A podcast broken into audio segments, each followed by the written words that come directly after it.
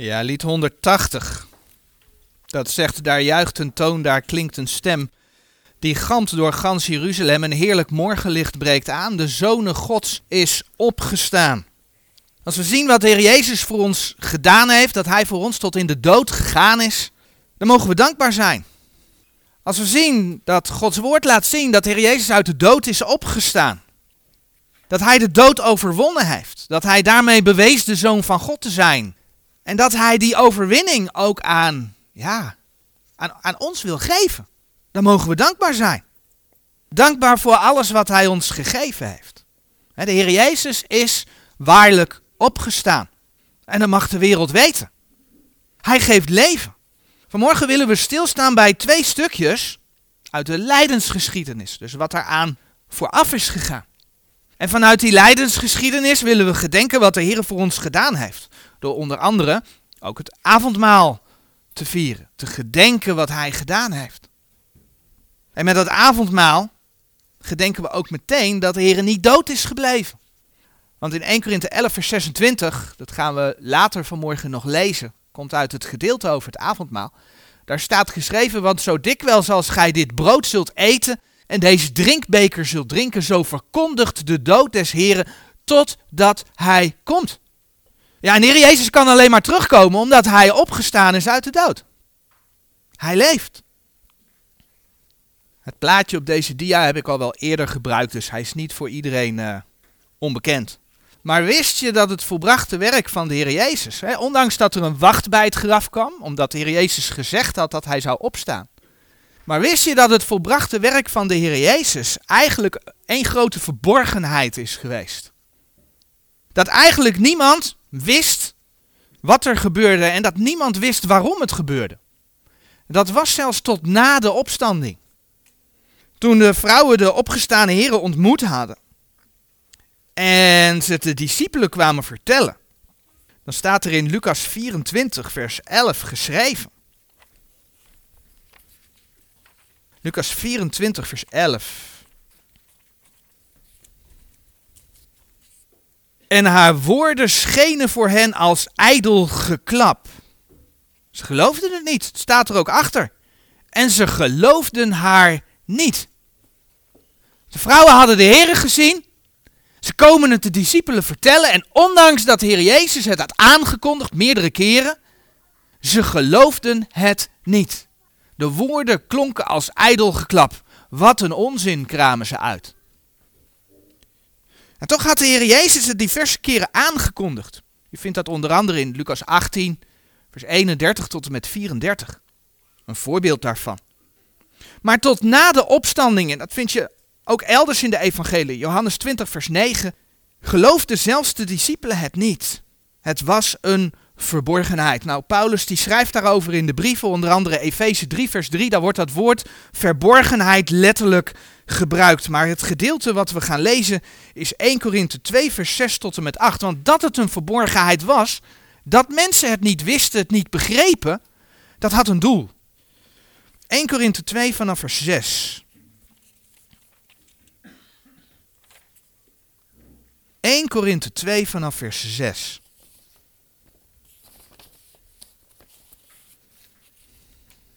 En wij spreken wijsheid onder de volmaakte, doch een wijsheid niet deze wereld, noch der overste deze wereld, die te niet worden. Maar wij spreken de wijsheid Gods, bestaande in verborgenheid, die bedekt was. Het is niet meer bedekt, die bedekt was. Welke God tevoren verordineerd heeft tot onze heerlijkheid, eer de wereld was. God wist al voor de schepping wat hij zou gaan doen. Dat wist hij toen al. Hij is alwetend. Maar hij had het verborgen gehouden. Welke God tevoren verordineerd heeft tot onze heerlijkheid eer de wereld was, welke niemand van de oversten deze wereld gekend heeft, want indien zij ze gekend hadden, zo zouden zij de Heere der heerlijkheid niet gekruist hebben. Hier staat dus dat de Heere het volbrachte werk van de Heer Jezus verborgen heeft gehouden, omdat anders de oversten van deze wereld zijn kruisdood voorkomen hadden. Dat lezen we daar. En wie heeft de oversten van deze wereld aangezet om de Heer Jezus te doden? Dat was de vijand van God, dat was de duivel. Zo lezen we bijvoorbeeld in de lijdensgeschiedenis, Johannes 13, vers 2 en 27, dat de duivel in Judas voer. En de duivel zette Judas aan om de Heer Jezus te verraden. De duivel wordt niet voor niets, 2 Korinthe 4, vers 4, de God deze eeuw genoemd. Of Efeze 2, vers 2, de overste van de macht der lucht. Om het zomaar te zeggen, als hij hier lucht van had gekregen, dan had hij er een stokje voor gestoken. Dan had hij niet aangezet om de Heer Jezus aan het kruis te krijgen. Nou, allereerst willen we bij een gedeelte uit die lijdensgeschiedenis stilstaan en dan bladeren we naar Lucas 22. Die nog wel eens toegeschreven wordt aan de duivel. Maar dat klopt niet. En dat gaan we bekijken. Vervolgens willen we naar een gedeelte gaan. Waarin we wel degelijk zien dat de duivel in de lijdensgeschiedenis de Heer Jezus strijd bezorgde. Maar we beginnen dus in Gethsemane. En dat staat beschreven in Lucas 22 vanaf vers 39. En uitgaande vertrok hij, gelijk hij gewoon was, naar de Olijfberg. En hem volgden ook zijn discipelen. En als hij aan die plaats gekomen was, zeide hij tot hen: Bid dat gij niet in verzoeking komt. En hij scheidde zich van hen af, omtrent een steenworp en knielde neder en bad, zeggende: Vader, of gij wildet deze drinkbeker van mij wegnemen. Doch niet mijn wil, maar de uwe geschieden. En van hem werd gezien een engel uit de hemel, die hem versterkte. En in zware strijd zijnde bad hij te ernstiger, en zijn zweet werd gelijk, grote droppelen bloeds, die op de aarde afliepen. En als hij van het gebed opgestaan was, kwam hij tot zijn discipelen en vond hen slapende van droefheid. En hij zeide tot hen, wat slaapt gij? Staat op en bid, opdat gij niet in verzoeking komt. Dit gedeelte gaat over de geschiedenis in de hof van Gethsemane. De naam Gethsemane betekent een, een, een olijvenpers. In een olijvenpers worden, logisch, olijven uitgeperst. Nou, olijfolie is in de Bijbel een, een type, een beeld van de Heilige Geest. En ja, als je dan deze geschiedenis leest, dan zie je eigenlijk dat de Heer Jezus als het ware uitgeperst wordt. Werd. In zijn gebedstrijd. Werd zijn zweet gelijk grote druppels bloed. Dat hebben we gelezen in, in Lucas 22, vers 44. En in zware strijd zijn de bad hij te ernstiger. En zijn zweet werd gelijk grote droppelen bloeds die op de aarde afliepen. De Heer Jezus was zonder zonde. Dat laat de Bijbel diverse plekken zien. Hij was Gods zoon. Hij was zonder zonde. Maar hij was absoluut niet zonder pijn. Hij was niet zonder strijd. Hij was niet zonder smarten. De profeet Jezaja profeteerde er al over in Jezaja 53 vers 3. De tekst staat op de dia. En dan staat er in dat vers, hij was veracht en de onwaardigste onder de mensen. Een man van smarten en verzocht in krankheid. En een iegelijk was als verbergende het aangezicht voor hem. Hij was veracht en wij hebben hem niet geacht. Maar waarom was de Heer Jezus in zo'n zware strijd gewikkeld dat zijn zweet bloed werd? Soms volgt dan een uitleg dat de Heer Jezus bang was dat hij reeds in de hof van Gethsemane zou sterven. En dan wordt er wel gezegd, ik citeer een heel klein stukje uit iets wat ik tegen ben gekomen. Alle duivelse machten stormden op hem af in een ultieme poging te voorkomen dat hij zich zou offeren aan het kruis. Einde citaat. Alle duivelse machten stormden op hem af in een ultieme poging te voorkomen dat hij zichzelf zou offeren aan het kruis. Dat is het citaat. Maar hoe kan dat? Als het volbrachte werk van de Heer Jezus tot kort na de opstanding een verborgenheid was. Kan dat? Die verklaring kan gewoon niet kloppen. En we kunnen zelfs stellen dat de Heer Jezus helemaal niet bang is geweest voor de dood op zich. En ja, men kan er een bewijstekst bij aanhalen. En die gaan we opzoeken. Hebreeën 5 vers 7. Hebreeën 5 vers 7. Dat vers dat zegt. Hebreeën 5 vers 7. Die in de dagen zijns vleeses gebeden en smekingen tot degene die hem uit de dood kon verlossen, met sterke roeping en tranen geofferd hebbende en verhoord zijnde uit de vrezen. Maar deze tekst, en dat wordt duidelijk als we ook op de context letten, laat juist zien dat de Heer Jezus deze weg wel moest gaan. We lezen vers 8 en 9 erbij. Hoewel hij de zoon was, nochtans gehoorzaamheid geleerd heeft uit hetgeen hij heeft geleden. En geheiligd zijnde is hij alle die hem gehoorzaam zijn, een oorzaak der eeuwige zaligheid geworden. Als we verder in de schrift op zoek gaan, dan zien we ook dat de Heer Jezus in het geheel niet bang hoefde te zijn dat hij ook maar ergens te vroeg zou sterven. Ook niet in de hof van Gethsemane, al zou de Satan dat de hele avond en nacht geprobeerd hebben. Als we naar Johannes bladeren, Johannes 7, dan lezen we een gedeelte waar de Heer Jezus in de tempel preekt op het Loofhuttenfeest. En dan komt er een moment dat de Joden hem willen grijpen.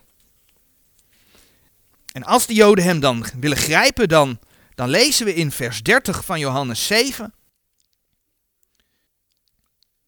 Zij zochten hem dan te grijpen, maar niemand sloeg de hand aan hem, want zijn uren was nog niet gekomen. Zijn uren was nog niet gekomen, dus mensen konden hem niet eens pakken. Al wilden ze het. Later wilden de Joden hem zelfs stenigen om de boodschap die hij bracht. Een hoofdstuk verder. In Johannes 8, vers 59. Daar lees je daarover. Zij namen dan stenen op dat zij op hem wierpen. Dat zij ze op hem wierpen. Maar Jezus verborg zich en ging uit de tempel, gaande door het midden van hen, en ging alzo voorbij.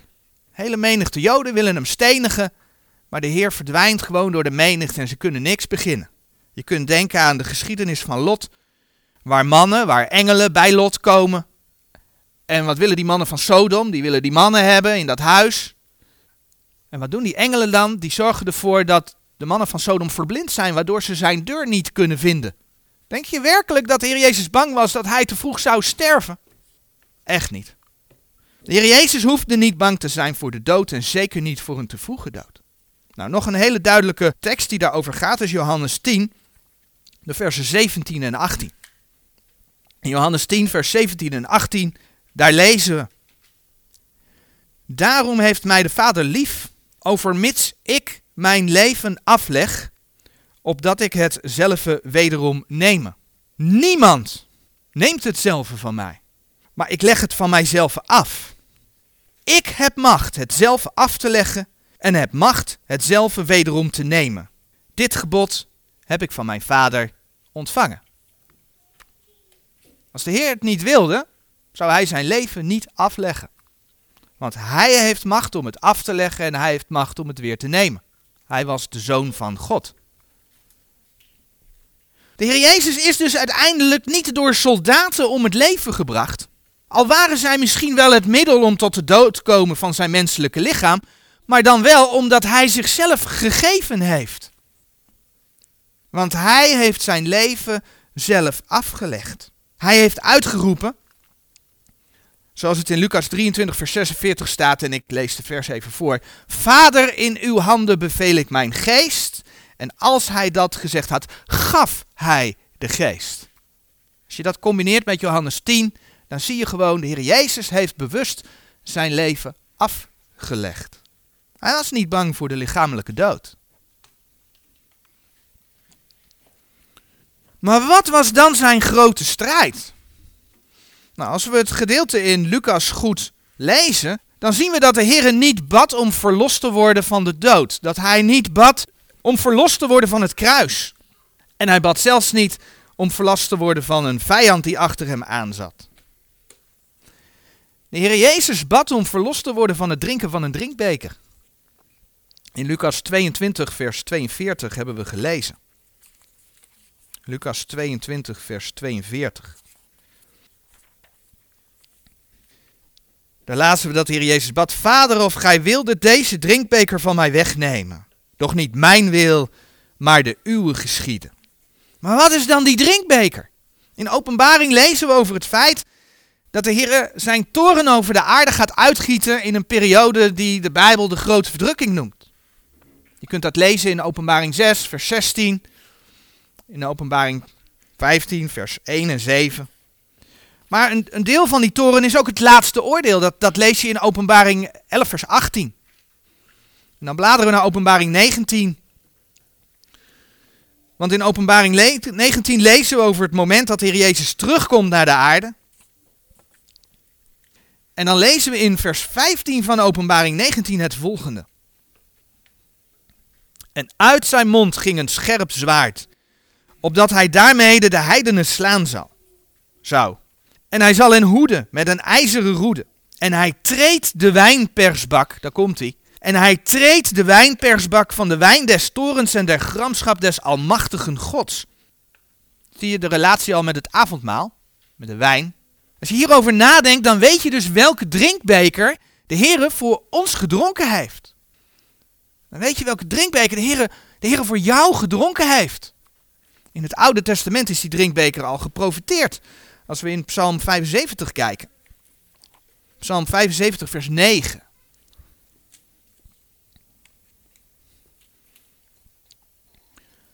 Want in des Heren hand is een beker en de wijn is beroerd, vol van mengeling. En hij schenkt daaruit, doch alle goddelozen der aarde zullen zijn droesems uitzuigende drinken. Nou, er zijn meer teksten in het Oude Testament die je daarover kunt vinden. Jeremia 25, vers 15 en 16, Jezaja 51, vers 17.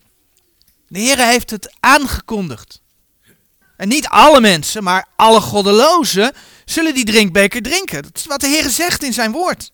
En als we kijken naar de gemeentetijd, als je op de tijdlijn gaat kijken vanaf de schepping tot aan de nieuwe hemel en de nieuwe aarde. Dan leven wij na het kruis in de, in de tijd van de gemeente, kort voor de opname van de gemeente. Dan weten we dat de Heer zegt in de brieven aan de gemeente dat de gemeente niet is gesteld tot toren. Dat hij verlost van de toekomende toren. 1 Thessalonicense 1 vers 10, 1 Thessalonicense 5 vers 9. Een van de versen zullen we zo nog opzoeken. Als gemeente van Jezus Christus verwachten we dan ook niet voor niets de opname van de gemeente. Dat we de Heeren tegemoet zullen gaan voordat al die ellende van Gods toren in de grote verdrukking over de aarde gaat komen. Als gemeente komen we ook niet voor die grote witte troon. Aan het eind, voordat die nieuwe hemel en die nieuwe aarde komen, daar komt de gemeente niet. Ja, wij komen voor de rechterstoel van Christus. Ook wij zullen geoordeeld worden. Maar dat is duizend jaar eerder. Als we opgenomen worden, zullen we voor de rechterstoel van Christus verschijnen. Maar niet voor de grote witte troon van het laatste oordeel. De Heer Jezus heeft jouw straf, de Heer Jezus heeft mijn straf op zich genomen. Hij heeft de toren van God voor je weggedragen. Vaak noem ik 1 Thessalonicense 5 vers 9 als bewijs dat we niet door die grote verdrukking hoeven, maar laten we dit keer ook vers 10 erbij lezen. 1 Thessalonicense 5 vers 9 en 10. Want God heeft ons niet gesteld tot toren, maar tot verkrijging der zaligheid door onze Heer Jezus Christus Mooi, hij, hij wil het eeuwige leven. Hij heeft, als je een kind van God bent, heeft hij het eeuwige leven gegeven. Door onze Heer Jezus Christus, die voor ons gestorven is. Opdat wij, het zij dat wij waken, het zij dat wij slapen, tezamen met hem leven zouden. De Heer Jezus is voor je gestorven en daarom ben je niet gesteld tot toren. Als je dat voor jezelf hebt aangenomen. Hij heeft Gods toren voor je weggedragen. En als je dan denkt aan die tekst in Johannes 3, vers, 6, vers 36. Die de zoon gelooft, heeft het eeuwige leven. Maar die de zoon ongehoorzaam is, dan zal de toren Gods op blijven. Johannes 3, vers 36. Dus de Heer Jezus heeft Gods toren voor je weggedragen. En de Heer Jezus, die, de profeet Jezaja, die profeteerde daarover ze ook van. In Jezaja 53 vers 5.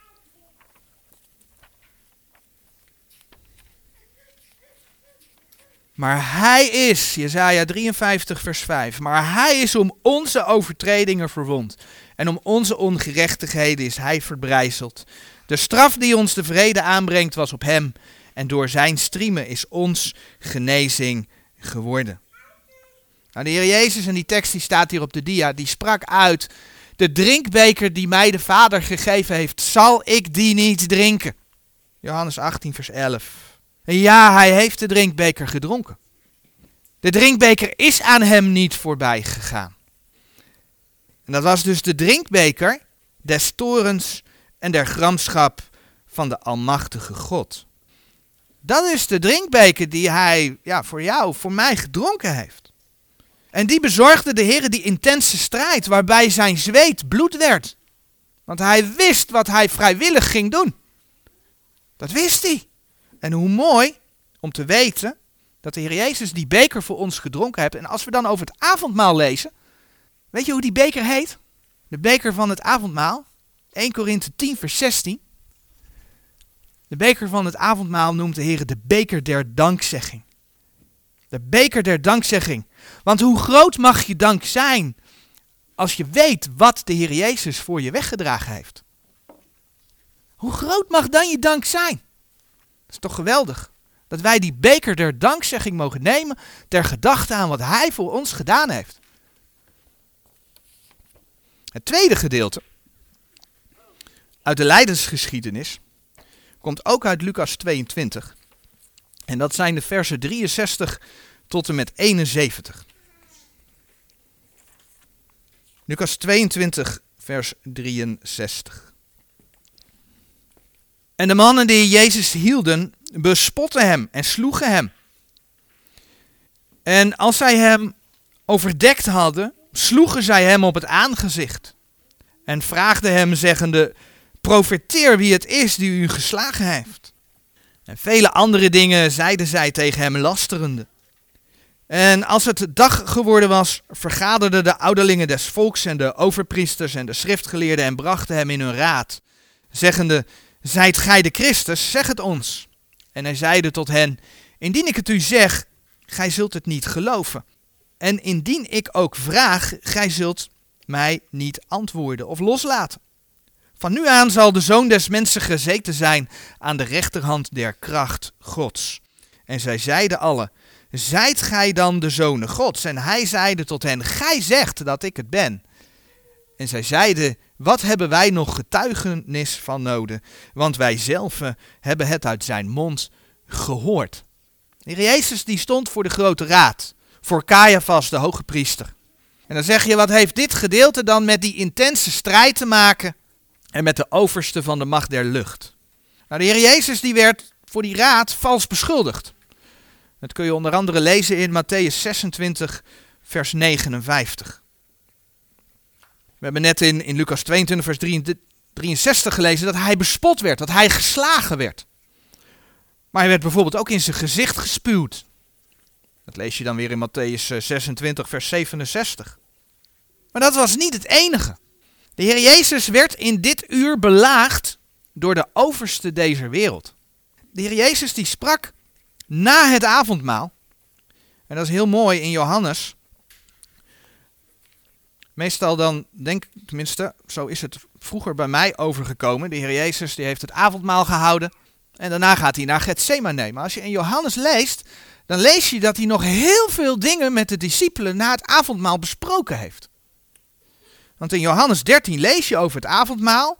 En pas ergens in Johannes 18 gaat de Heer Jezus pas naar, naar, uh, naar Gethsemane. En de Heer Jezus in die tussentijd heeft hij heel veel met zijn discipelen besproken. En een van de dingen die de Heer Jezus gezegd heeft, in Johannes 14 vers 30.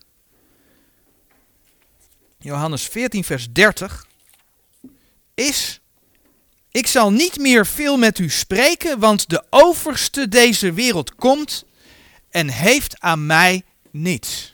De overste deze wereld komt en heeft aan mij niets.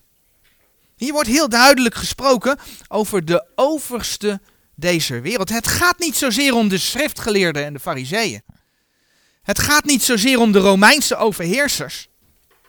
Maar dit is dezelfde als de overste van de macht der lucht, Efeze 2 vers 2, als de God van deze wereld, 2 Korinthe 4 vers 4. Dat is de duivel. Andere teksten die je daarbij op kunt zoeken zijn eh, Johannes 12 vers 31 en Johannes 16 vers 11. Bij de gevangenneming van de Heer Jezus in Lucas 22 vers 53, daar lees je dan ook. Lucas 22 vers 53. Er heeft zich heel wat afgespeeld in die tijd. Lucas 22, vers 53. Dan zegt de Heer Jezus, als ik dagelijks met u was in de tempel, zo hebt gij de handen tegen mij niet uitgestoken. Maar dit is uw uren en de macht der duisternis. Dit is uw uren en de macht der duisternis. Kortom, het is de overste deze wereld die aanzette tot de kruisdood, omdat hij niet wist, omdat hij niet wist, 2 Korinthe, 1 Korinthe 2 vers 7 en 8, dat hij niet wist wat de uitwerking daarvan zou zijn. In Jesaja, Jesaja 50, vers 6 tot en met 8. Daar vinden we een gedeelte dat profetisch gaat over het lijden van de Heer Jezus. En laten we die versen lezen. Jesaja 50, vers 6 tot en met 8. Ik geef mijn rug degene die mij slaan, en mijn wangen degene die mij het haar uitplukken. Mijn aangezicht verberg ik niet voor smaadheden en speeksel. Want de Heere Heere helpt mij. Daarom word ik niet te schande. Daarom heb ik mijn aangezicht gesteld als een keisteen, want ik weet dat ik niet zal beschaamd worden. Hij is nabij die mij rechtvaardigt. Wie zal met mij twisten? Laat ons tezamen staan. Wie heeft een rechtszaak tegen mij? Hij komen herwaarts tot mij. Dit gaat over het terechtstaan van de Heer Jezus. Maar als we dan bedenken dat de Heer Jezus zelf heeft gezegd: De overste van deze wereld komt en heeft aan mij niets.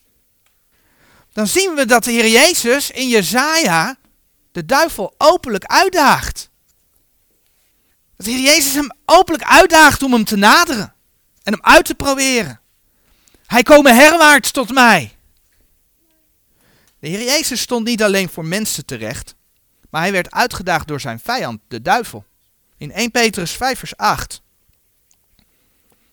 1 Petrus 5 vers 8. Daar lezen we over die duivel. Zijt nuchter en waakt, want uw tegenpartij de duivel gaat om als een briesende leeuw, zoekende wie hij zou mogen verslinden. De duivel is erop gericht om te verslinden. En als we dan doorbladeren naar Judas 9, het boek voor openbaring, Judas vers 9, dan lezen we daar nog. Maar Michael de archangel, toen hij met de duivel twiste en handelde van het lichaam van Mozes, durfde geen oordeel van lastering tegen hem voortbrengen, maar zeide, de Heere bestraffen u. Je hoort nog wel eens, en dan met name ook in charismatische kring, dat mensen de duivel zelf uitdagen. Dan denken ze te staan in de overwinning van de Heer Jezus, want de Heer heeft overwonnen en hij die in mij is, is. Ja, en dan dagen ze de duivel uit. Maar wat zien we hier? Dat zelfs de, de archangel Michael durfde niets tegen de Satan te doen, maar liet het aan de Heer over. Zo'n machtig en verslindend wezen is die overste deze wereld. Dat moet je niet uitvegen. Als je die Bijbelse voorbeelden bekijkt, dan laat je het wel uit je hoofd om de Satan uit te dagen. Maar het is de Heer Jezus die zegt: Hij komen heel tot mij. En het is de Heer Jezus die deze persoon uitdaagde en oog in oog met deze stond in dat uur. Nou, je snapt wel waarom ze het hem allemaal aandeden. En die vijand had nog nooit één slag verloren. Hè? Als je in de Bijbel gaat lezen, Adam zondigde. Nadat Eva loog. Zo kun je het allemaal invullen. Abraham loog. Jacob bedroog. David pleegde overspel. Mozes moorde. Het Nieuwe Testament net zo. Petrus vervloekte zich. En ga zo maar door. Maar waarom denk je dat de Heer Jezus bespot werd? Dat hij geslagen werd? Dat zijn haren uit zijn gezicht getrokken werden? Dat hij gespuugd werd? Ja, dat men toen hij aan het kruis hing, in Matthäus 27, vers 40 lees je dat, tegen hem zei, indien gij de zonen God zijt, kom dan maar van dat kruis af. De Satan gaat rond als een briesende leeuw en hij heeft de Heere proberen te pakken. En de Heere wist dat hij hier zich vrijwillig aan zou overgeven. Dat wist hij. Hij wist wanneer zijn tijd was en hij wist wanneer hij zich daar vrijwillig aan over zou geven. En tot in de dood. En dat was die zware strijd die hij geleden heeft. Dat was die zware strijd. De duivel mocht dan nog nooit een slag verloren hebben, maar de strijd met Jezus Christus, die is hij gedoemd om te verliezen. Met Jesaja 50, vers 7 hebben we gelezen en, en, en die tekst die staat hier nog even op de dia. Daarom heb ik mijn aangezicht gesteld als een keisteen, want ik weet dat ik niet zal beschaamd worden. De Heer Jezus is zijn weg voor ons gegaan. Hij zag daarbij niet op het kruis, dat staat in Hebreeën 12, vers 2. Hij zag daarbij niet op het kruis, maar op de heerlijkheid die zou volgen. Hebreeën 12, vers 2.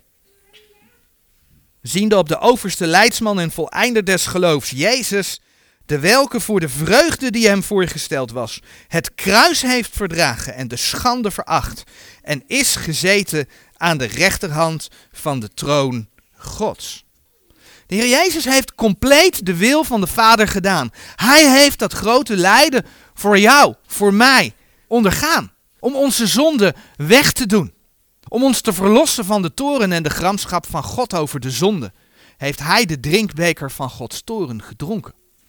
En de duivel heeft het zover gekregen dat de Heer Jezus stierf. En dat leek misschien een overwinning. Maar wat hij niet wist, was dat hij daarmee een instrument in Gods hand was.